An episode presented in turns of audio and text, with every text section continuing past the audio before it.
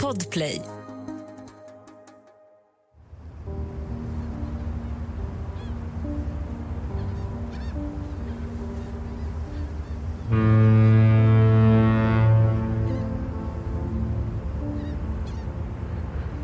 För människorna på Gotland hade mordet på Visby hotell vintern 1996 kommit som en chock.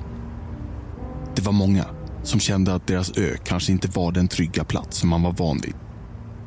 När åren gick utan någon lösning i sikte var det många som tappade hoppet om att gåtan någonsin skulle kunna få ett svar. Under de kommande åren var det flera andra frågor som kom att uppta den allmänna debatten på Gotland. Gotlandsfärjorna, som ömsom älskades och hatades. Den ständigt aktuella diskussionen kring kalkindustrins vara eller icke vara. Avverkningarna i Ojnare skogen som fick människorna på ön att gå man ur huset.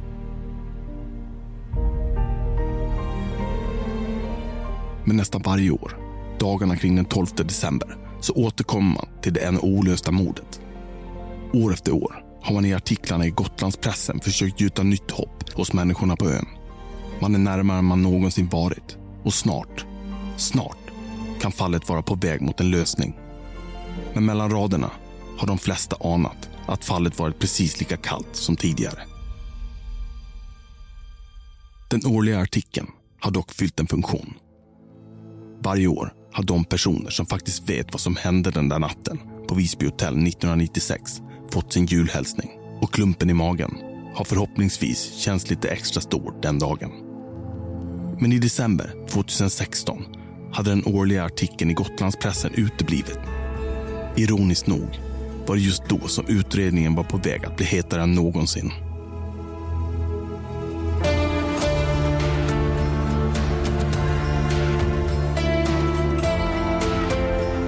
Jag heter Tobias von Braun. Och jag heter Urban Järdek. Det här är Kalla fall.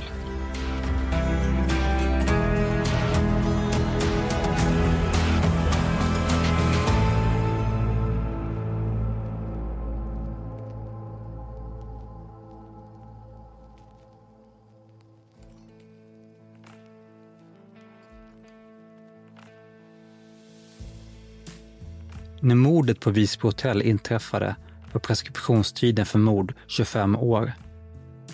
Fallet skulle alltså med de lagar som då gällde ha preskriberats 2021. Men åren efter millennieskiftet började man diskutera att avskaffa preskriptionstiden för mord, dråp och andra former av dödligt våld.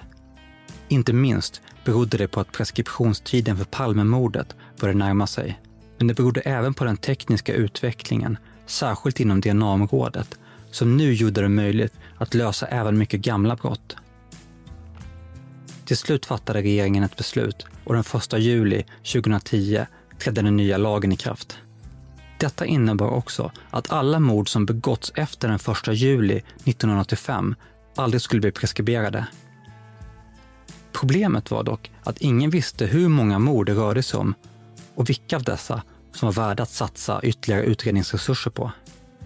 Rikspolisstyrelsen tillsatte därför en utredning och uppdraget gick till polisprofessor Leif GW Persson som gick igenom samtliga olösta mordfall mellan 1985 och 2010. 2012 presenterades rapporten. Man kunde konstatera att det sammanlagt fanns cirka 430 olösta mordfall under tidsperioden. Av dessa bedömde man att 25 stycken var värda att utreda vidare. Ett av dessa var mordet på Visby hotell. Men i början av 2010-talet låg utredningen av hotellmordet på sparlåga. Ni hör åklagare Susanne Wilborg. Jag hade haft det, jag hade haft det länge, det hände ingenting i ärendet. Eh, Roger hade ju ansvaret på polissidan men han var ju polisiär förundersökningsledare så han hann ju aldrig med det där. Och det kom tips, det kom tips, det kom tips. Han meddelade mig att det kommer tips, tips, tips, tips. Okej, okay. men vem jobbar med dem då? Ja, ingen. Leif GW Perssons rapport hade också rekommenderat att särskilda utredningsgrupper för kalla fall skulle inrättas inom de olika polismyndigheterna, däribland Stockholmspolisen. När Gotland 2015 blev en del i polisregion Stockholm öppnades därför nya möjligheter. Och sen blir Mats Holst krimchef eh, och då så går, blir det ju också Gotland en del av Stockholm. Så då är det jag som går in till honom faktiskt. Men så nu, det finns ju cold case-grupper och nu är ni ju en del av Stockholm. Alltså det, jag kan inte stå som FU-ledare i ett ärende där det inte händer ett enda smack. Alla de här obearbetade tipsen de ligger där, jag får reda på det med jämna mellanrum men jag har ju ingen resurs. Eh, och därför frågade han då eh, cheferna i Stockholm om cold case kunde ta det här ärendet.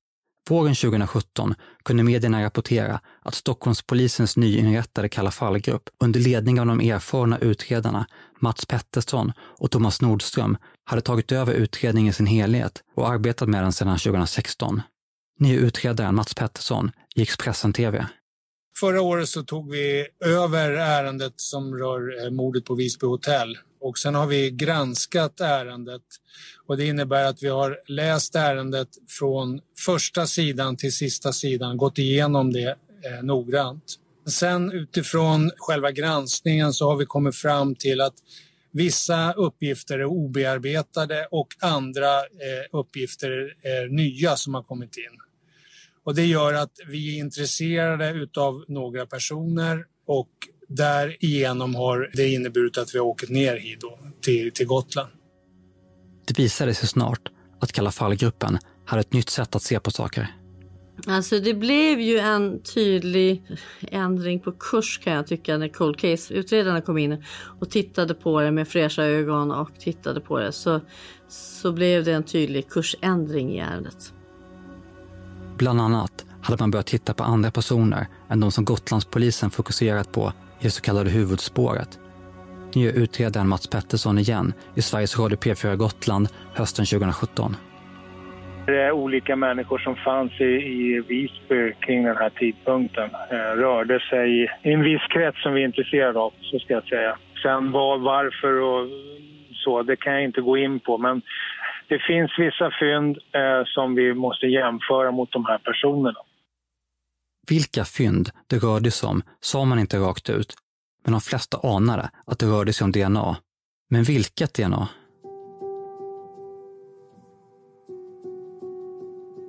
Visserligen hade man ända sedan 2009 haft ett DNA-spår i utredningen. Men som vi berättade i förra avsnittet så var det ytterst tveksamt om detta verkligen hade med brottet att göra. Ni hör tidigare kriminalinspektör Roger Björkander. Vad är det här värt för något? Va? Kan det vara precis vem som helst? Va? Kan det vara eh, personalen eller kan det vara eh, orkestern? Eller kan det vara någon tillfällig besökare? Det här är ju en stor arbetsplats också, så att de har ju, eller hade i varje fall en ganska stor omsättning på folk, vad jag minns. Men när Kalla fallgruppen tog över fallet hade man skickat in material från brottsplatsen för nya tekniska undersökningar och ett viktigt genombrott hade då gjorts. Ni hör åklagare Susanne Wihlborg igen. Men så har vi ju ett nytt spår som ni vet som vi liksom eh, och det, det har ju kommit på senare år som vi inte hade kunskap om alls tidigare. Ett nytt, tidigare okänt DNA-spår. Den här gången kände man sig säker på att profilen verkligen hade med brottet att göra. Vet man att det spåret är från gärningsmannen? Vet och vet, men det skulle, vi, skulle jag säga att vi är tämligen säkra på. Mm. Men vad är det egentligen för DNA-spår polisen har? Och hur kommer det sig att man än idag inte lyckas knyta DNA till en misstänkt gärningsman? Redan sommaren 2017 hade Stockholmspolisens Kalla fallgrupp gått ut med att man var i färd med att topsa personer som var intressanta i utredningen. Ni hör utredaren Thomas Nordström intervjuas i Sveriges Radio P4 Gotland. Ja, vi håller ju på nu har fått beslut på, på kroppsbesiktning som det heter för att eh, topsa då intressanta personer i ärendet så att vi ska kunna utesluta dem. De man topsade var dock inte i första hand personer som var misstänkta. Istället topsade man poliser, kriminaltekniker, ambulanspersonal, personer som arbetar på hotellet och liknande. Alltså personer som lagligen befunnit sig i närheten av kroppen efter mordet. Man ville helt enkelt utesluta att någon av misstag hade avsatt DNA. Ni hör åklagare Susanne Wilborg igen. Så vi har ju topsat jättemånga personer eh, som på olika sätt kan ha inblandning. Eh, det kan ju vara polismannen, som, till och med polismän som stod utanför och vaktade på morgonen är topsade för att utesluta att det här är avsatt av någon annan person. När det kommer till frågor om DNA föreslår Susanne Wilborg en person som hon tycker vi bör prata med. Martina hon är ju expert, hon skulle kunna uttala sig. Martina som är på, på FA-teamet uppe på, i Stockholm, hon kan uttala sig för hon är ju liksom expert på det här. Den person Susanne Wilborg pratar om är genetikern Martina Nilsson. Jag ringde upp henne. Jag heter Martina Nilsson och är strategisk forensisk koordinator på forensisk sektion i polisregion Stockholm. I huvudsak jobbar vi med brottsplatsundersökningar, så majoriteten är ju kriminaltekniker men sen har vi också ett forensiskt analysteam där jag jobbar och eh, jag har forskat på DNA. Jag är filosofie doktor i medicinsk genetik så jag har just forskat på eh, DNA i brottsmål och DNA som teknisk bevisning. En av uppgifterna är att vi biträder Kalla fall-utredningarna med den senaste kan jag säga inom forensiken. Vi är en stöttning och rådgivning i eh, ärenden där man då tar upp gamla fall för att kunna se över vad kan man med hjälp av ny modern teknik eh, och forensik och, och gamla spår då göra med dagens möjligheter. Genetiken Martina Nilsson var med i den återupptagna utredningen av hotellmordet redan från början.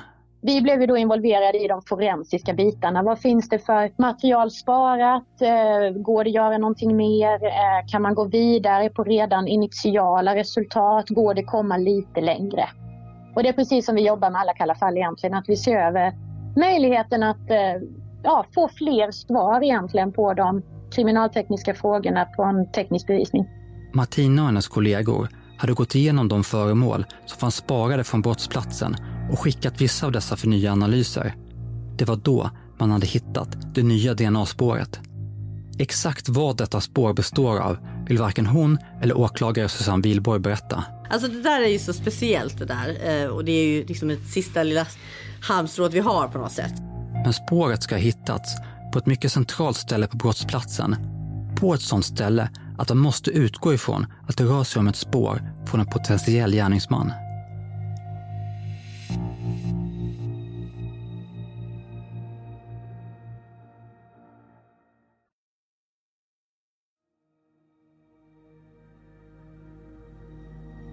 De följande åren började man även jämföra DNA-profilen mot personer som tidigare varit intressanta i utredningen. Det här har ju varit alla som har nämnts. Liksom. Den rörde sig ut den här natten, den rörde sig ut den här natten, den var där, den var där och då, då är det ju sådana personer. Liksom. Samtidigt fortsatte utvecklingen inom DNA-området i raketfart. Våren 2018 nåddes världen av nyheten att en ny revolutionerande metod används för att gripa en av historiens värsta seriemördare och serievåldtäktsmän, nämligen den så kallade Golden State Killer. That huge break in a cold case terrorizing California for decades. Police say they now have the Golden State Killer in custody. And they use DNA testing to find him. So many families are relieved this morning. Lösningen på den över 40 år långa utredningen hade varit att använda sig av genetisk släktforskning. Med hjälp av DNA-spår från brottsplatserna lyckades man via kommersiella släktforskningsdatabaser hitta avlägsna släktingar till mördaren. Efter ett intensivt pusselarbete kunde man till slut ringa in den sannolika mördaren. Två år senare användes samma metod för första gången i Sverige. Resultatet blev en omedelbar framgång ni hör P4 Östergötland den 9 juni 2020. En man i 40-årsåldern från Linköpingstrakten har på tisdagsmorgonen gripits och anhållits skäligen misstänkt för dubbelmordet på Åsgatan i Linköping 2004. Polisen har lyckats få tag i mannen genom DNA-register som används i släktforskning. Det är ett pilotprojekt där polisen använt sig av släktforskare och släktforskningsdatabaser för att spåra den misstänkte. Hur går då genetisk släktforskning till? Och är det en metod som även skulle kunna användas för att lösa hotellmordet? En person som kan mycket om genetisk släktforskning är folklivsforskaren och personhistorikern Mats Ekedal som ni kanske kommer ihåg från första avsnittet av den här säsongen. 93 började jag med, med släktforskning. Då satt man ner på landsarkiv och läste i originalhandlingar. När kom det här med DNA in i bilden då? Skulle jag säga det, tio år sedan ungefär. Och börjat titta lite och sen de sista fem åren så har jag hållit på rätt mycket med det. Mats förklarar att genetisk släktforskning egentligen inte är så komplicerat som det låter. Det hela börjar med ett DNA-test. Hela det mänskliga DNA består av cirka 3 miljarder så kallade baspar. De allra flesta av dessa är identiska hos alla människor, men cirka en på tusen skiljer sig åt. Det är dessa platser som kan beskrivas som genetiska markörer. När man släktforskar privat med hjälp av DNA börjar man med att ta ett test, oftast genom att topsa sig i munnen med en liten bomullspinne. Provet skickas därefter in till något av de stora släktforskningsföretagen i USA. Där analyseras DNA och de genetiska markörerna tas fram. I ett modernt släktforsknings-DNA rör det sig om över 600 000 markörer. Med hjälp av dessa markörer kan man sedan jämföra sig med andra personer som också låtit DNA-testa sig. Genom likheter i den genetiska koden kan man då hitta personer som man är avlägset släkt med. När man försöker hitta en okänd gärningsman i ett brottsfall så fungerar det på precis samma sätt, på det att man matar in gärningsmannens DNA-profil i databasen istället för sin egen. Men om, om man säger att du skulle få en genetisk profil här då från eh, hotellmordet, vad skulle nästa steg då bli? Ja, det var ju att stoppa in den här då i en sån här släktforskningsdatabas och sen se alla träffar man får. Och sen plockar man ut då alla juridiska släktingar till de här träffarna man får. I nästa steg kartlägger man släktträden hos de personer profilen matchat med och försöker hitta kopplingar mellan dem, alltså gemensamma anfäder eller anmödrar. Det sker genom traditionell släktforskning, att gå igenom gamla kyrkoböcker och försöka följa släktträden bakåt i tiden. Det är här det verkliga arbetet sker. Det är ju mycket jobb med kyrkböckerna. Och är det en svensk så är det några månaders jobb, kanske ett halvårs jobb. För man måste släktforska på alla de här trapporna man får. Man plockar ut en fem, tio stycken och eh, sen så måste man ju då kolla upp alla släktingar. Ja, kanske, kanske upp till sex generationer tillbaka. Till slut hittar man förhoppningsvis en person som på något sätt är kopplad till alla de olika släktträden som man tagit fram. Då är det med stor sannolikhet gärningsmannen man har ringat in. Och det som är kul med det här det är ju det att vi har ju då koll på i stort sett de flesta gotlänningar som, ja, som lever idag och tillbaka till eh, tidigt 1700-tal så har vi alla kopplingar. Även om det alltså är själva släktforskningen som är det som tar tid så är faktiskt just Gotland lite av ett undantag. Mats Ekedal och hans släktforskarkollegor har nämligen under årens lopp byggt upp en mycket omfattande gotländsk släktforskningsdatabas. Nästan alla gotlänningars släktträd finns alltså redan färdiga och fullt sökbara.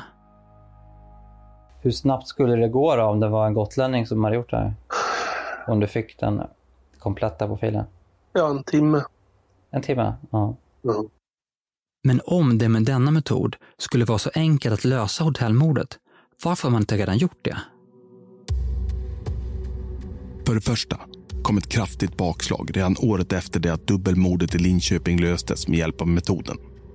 Ni hör Petri Krim. Det saknas laglig grund för polisen att använda DNA-släktforskning vid utredning av grova brott. Det skriver Integritetsskyddsmyndigheten, IMY, i ett yttrande. Lisa Zettervall är jurist på IMY. Det främsta skälet är att det finns ett förbud i brottsdatalagen för polisen att utföra sökningar i syfte att få fram ett urval av personer om sökningen grundas på känsliga personuppgifter, vilket alltså DNA räknas som. Integritetsskyddsmyndighetens bedömning var att den metod som användes när man löste dubbelmordet i Linköping helt enkelt saknade stöd i svensk lagstiftning. Men även om metoden hade varit tillåten finns ytterligare ett hinder, nämligen DNA-profilens kvalitet.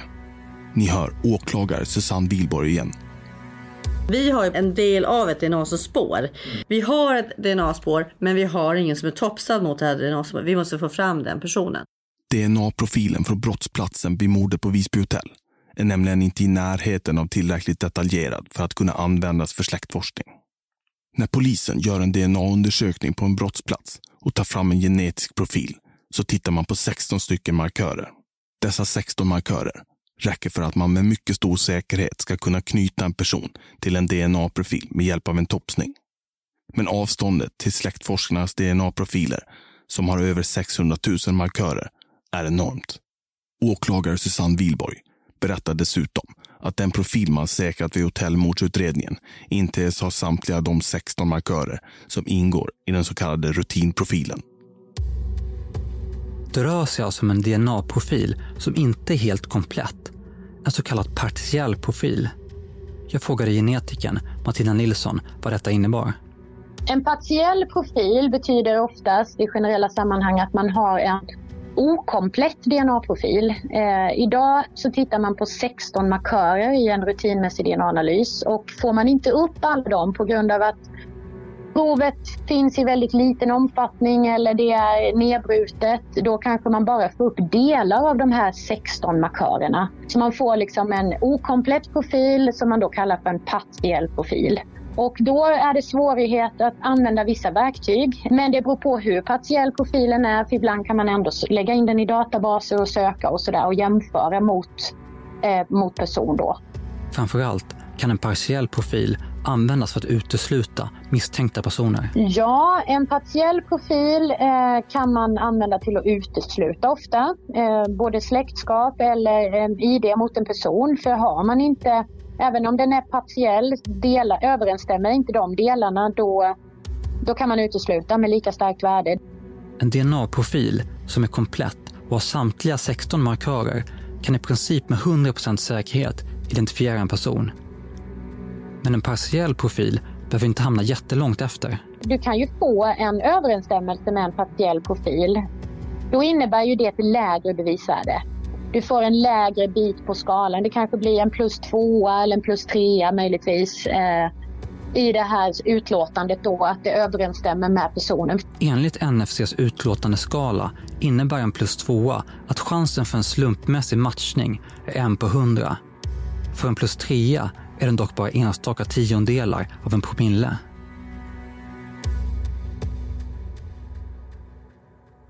Men det finns mycket som talar för att den DNA-profil som polisen har tillgång till i utredningen av hotellmordet måste befinna sig i den övre delen av bevisvärdeskalan.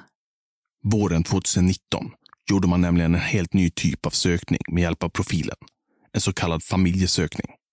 Vi har sedan 2019, tror jag det är, eh, i vår lagstiftning att vi har möjlighet att göra familjesök. Och det betyder att man eh, kör en DNA-profil som man har i ett ärende som man inte har fått ID på, man har inte fått träff, träff mot någon. Och då kan man köra den mot befintliga databaser för att se om man kan ha någon nära släkting som ger en halvdålig träff. Eh, vi är ju mer lika i eh, arvsmassan ju närmare släktskap vi har. Ja, vi ärver ju det från vår mamma och pappa och vi delar mer DNA med våra syskon generellt än vad vi gör med den, eh, människorna runt omkring eh, om vi, som vi inte är släkt med. Eh, och då bygger den här metoden på att man, man kan få indikationer på om några befintliga personer i, i DNA-registret eh, skulle kunna vara förälder eller barn eller helsyskon till den här oidentifierade DNA-profilen. Vad skulle jag säga? Ett uppslag egentligen, ett forensiskt uppslag att det här skulle kunna vara någon som är släkt med den här personen. Bara ett par månader efter att metoden blivit tillåten i Sverige hade den gett resultat. Den 1 mars 2019 rapporterade Sveriges Radio P4 Göteborg om genombrottet. Idag häktades en 58-årig man som misstänks för överfallsvåldtäkten och misshandeln av en då 8-årig flicka i Bildal för 24 år sedan. En lagändring i början av året som tillåter familjesökning i DNA-registret gjorde det möjligt att gripa mannen. Man hittade en träff på en nära släkting och kunde konstatera att den häktade mannens DNA är identiskt med det på brottsplatsen. Den 14 september 1995 var en åttaårig flicka på väg hem från skolan i Bildal, strax söder om Göteborg. När hon plötsligt blev indragen i en skogsdunge av en okänd man. Hon våldtogs och misshandlades svårt. Trots ett intensivt spaningsarbete hade gärningsmannen förblivit okänd och det fruktansvärda dådet hade varit på väg att preskriberas. Men 2019 hade utredarna beslutat att de skulle försöka spåra gärningsmannen med hjälp av den nya metoden. Den familjesökning som gjordes med hjälp av den okända gärningsmannens DNA-profil hade gett träff på drygt 20 personer. Personer som alltså skulle kunna vara nära släktingar till gärningsmannen. Dessa personer hade sedan granskats för att se om de i sin tur hade någon anhörig som kunde stämma överens med gärningsmannens profil. En av personerna visade sig ha en pappa som utredarna snabbt intresserade sig för. Han hade nämligen bott i Bildal vid tiden för överfallet. En utredare hade ringt honom och förklarat att det enda sättet att utesluta honom från utredningen var om han lämnade ett DNA-prov. Men det ville han inte höra talas om. Istället gick han under jorden. Men när han efter en tid kunde gripas och topsades visade det sig att han mycket riktigt var gärningsmannen. Bara dagar efter den positiva nyheten rapporterar Sveriges Radio P4 Gotland att utredarna tänker använda sig av samma metod i jakten på Kristina Olofssons mördare. När polisen sökt efter en matchande DNA-profil i sina register har man inte fått någon direkt träff. Men genom en så kallad familjesökning som blev tillåten vid årsskiftet kan polisen vidga sökningen och leta efter nära släktingar till den som lämnat DNA-spåren. Förutsättningen är då att de, någon av de personerna är inlagda i, i DNA-register så att man har begått något brott någon gång som, som har förutsatt att man har topsat dem och sen att man har sparat det här. Då, då. En dryg månad senare, den 29 mars 2019, rapporterar Sveriges Radio P4 Gotland resultatet. Nu har polisen hittat omkring 200 eventuella släktingar till en trolig gärningsperson. Och de här måste graderas, alltså de är graderade i någon form av styrkegrad. Eh, och så att nu krävs det ett analysarbete. Vilka är det här? Vad har de i sin tur för anhöriga, alltså nära släktingar? Alltså, vad har, finns det några föräldrar, finns det några barn eller finns det några helsyskon?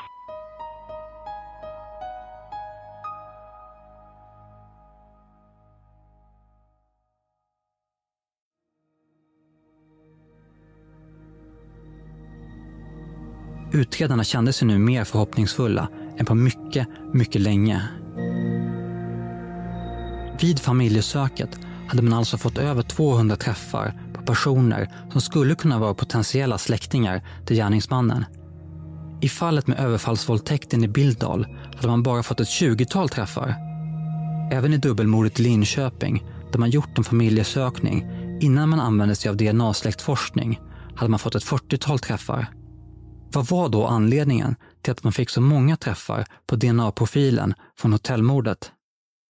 Enligt genetikern Martina Nilsson skulle även detta kunna vara en effekt av att DNA-profilen inte var helt komplett. Det kan man ju få, för då blir det ju fler då som skulle kunna matcha för att du har inte en lika stor sökning. Liksom. Den är inte så specifik som den skulle kunna vara. Och verktyget är ju trubbigt redan från början som jag sa och då blir det ju ändå trubbigare om man har en partiell profil. Våren 2019, ett par månader efter att man fick träffarna från familjesökningen, beskrev utredaren Mats Pettersson i ännu en intervju i Sveriges Radio P4 Gotland hur man nu planerade arbetet framöver. Nu handlar det om att se vilka människor finns bakom just de här träffkandidaterna. Så vilka är de släktingar med? För det är de som är intressanta, inte just de här personerna som det är träff på. Utan nu måste man titta bakom dem. Sen måste man plocka bort folk, kvinnor. Till exempel, för det är ingen kvinna, det vet ni? Nej, det vet vi. Alltså det är en manlig profil, så då tar man bort alla kvinnor. Sen får man titta här. Finns det någon som skulle kunna ha beröring till Gotland just då? Gick på skola här, folkhögskola, mm. gjorde lumpen, eh, eh, var skriven här, jobbade här. Men drygt ett år senare, i september 2020, kommer det nedslående resultatet. Man hade nu gått igenom alla de cirka 200 träffarna från familjesöket. Ett antal personer hade toppsats, men ingen av dem hade matchat DNA-profilen från hotellmordet. Sannolikt var alltså samtliga träffar från DNA-söket helt slumpmässiga. Genetikern Martina Nilsson förklarar. Men det här är ett väldigt trubbigt verktyg och i de flesta fall så får man ju upp förslag som liksom inte alls har med den, den här personen som har lämnat DNA att göra. Men det är liksom ytterligare det är som ett, ett uppslag som man kan jobba vidare med i utredningen. Samtidigt rasar covid-19-pandemin i världen och förutsättningarna för att bedriva ett aktivt arbete på Gotland är inte längre de samma. Sakta men säkert är hotellmordet på väg att ännu en gång bli kallt. Vad skulle det krävas för att gjuta nytt liv i utredningen? Med tanke på hur effektiv DNA-släktforskningen var i utredningen av dubbelmordet i Linköping så finns det som ett mycket lockande alternativ. Och även om DNA-släktforskningen som metod stoppades av Integritetsskyddsmyndigheten i maj 2020 så är inte allt hopp ute. Nästan omedelbart därefter tillsatte nämligen den dåvarande regeringen en utredning, den så kallade biometriutredningen, som syftar till att ta fram lagförslag för att ge ökade möjligheter att använda bland annat DNA i brottsbekämpande syften. En utredning som är planerad till att vara färdig den 20 juni 2023. Men om det nu blir så att DNA-släktforskning i brottsbekämpande syfte blir tillåtet i Sverige så finns det ett svåröverkomligt problem när det gäller just hotellmordet. Nu har åklagare Susanne Wilborg igen. Hittar vi en väg att, att komma fram så kör vi väl den vägen. Så är, enkelt är det väl. Alltså om vi skulle hitta något som, som vi gav mm. den möjligheten såklart. Mm. Och vi har ju också pratat med här släkt. Men jag tror inte att vi har rätt mängd och rätt stil för att det ska kunna gå. Problemet är mängden DNA-bärande material från brottsplatsen. Men bara för att man i nuläget inte kan få fram en tillräckligt exakt DNA-profil behöver det inte betyda att det alltid behöver vara så. Den utvecklingen har ju det har ju hänt ganska mycket. På 80-talet så fanns det en viss analysmetodik i labbet och sen har den blivit bättre med jämna mellanrum. Och idag är det ganska känslig analys att det krävs ju mindre och mindre DNA som tillåter även lite sämre kvalitet för att trots allt generera kompletta DNA-profiler eller fullständiga. Så tekniken har gått framåt. Då finns det, det är helt rätt. Och den 29 december 2020 rapporterade Sveriges Radio P4 Gotland att utredningen sökte sig på en möjlig ny väg framåt. Polis och åklagare hoppas nu få ny information om mordet på Visby hotell 1996. Magasinet Horisont skriver att Stockholmspolisens Kalla fallgrupp skickat prov till ett forskningslaboratorium i Asien där en ny och hittills oprövad teknik kan ge nya DNA-spår efter mördaren eller mördarna. En väg framåt som vi kommer få anledning att återkomma till. Men när nyhetsrapporteringen kring hotellmordet dominerades av den okända DNA-profilen och de olika tekniska framstegen på DNA-området kan man lätt få intrycket att utredningen famlade i blindo att man hoppades på en lyckträff med hjälp av den senaste tekniken. Men faktum är att samtidigt som man väntade på att DNA-tekniken skulle utvecklas i rätt riktning så arbetade polisen efter ett betydligt mer konkret spår. Ett spår som ledde utredarna mot en mycket ljusskygg verksamhet, nämligen narkotikahandeln i Visby. Och mer specifikt mot det större parti av amfetamin som var ute till försäljning samma natt som mordet skedde. Nästa gång i Kalla fall. Om, om det nu skulle vara en missbrukare så var det väl ett olycksfall i arbetet. Eh, för inbrott görs det ju hela tiden. Eh, man vet ju att det var liksom mycket snurreta knark den där natten. Mm. Och det är nog utifrån den man säger att, att man, man tittar på missbrukarkretsar. Liksom. För att det fanns eh, amfetamin att köpa i stan den här natten och det inte alltid finns pengar till det. Om jag berättar om, liksom, om narkotikagrejer och allt sånt här, att inte någon kommer att bli straffad. Alltså, För då måste jag ju tänka på vad jag ska säga. Mm. Kalla fall, en podd av och med Urban Järdek och Tobias Brown. Producent och ljudtekniker är Mats Liljenberg. Exekutiv producent är Victoria Rinkos. I avsnittet hörde du klipp från Sveriges Radio P4 Gotland, Sveriges Radio P4 Göteborg, Sveriges Radio P4 Östergötland, P3 Krim, Aftonbladet TV och Expressen TV. Vet du någonting om mordet på Visby hotell som skulle kunna föra fallet närmare en lösning?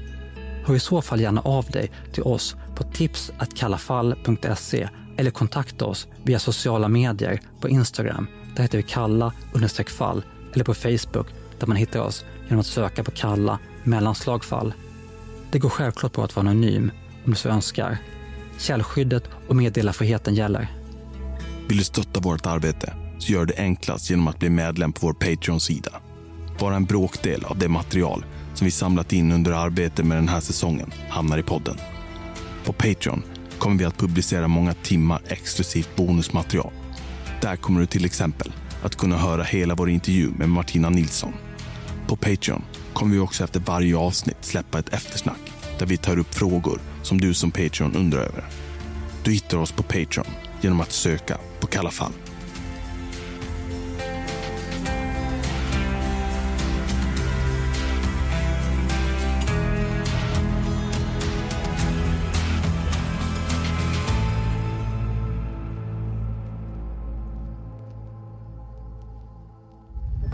Podplay, en del av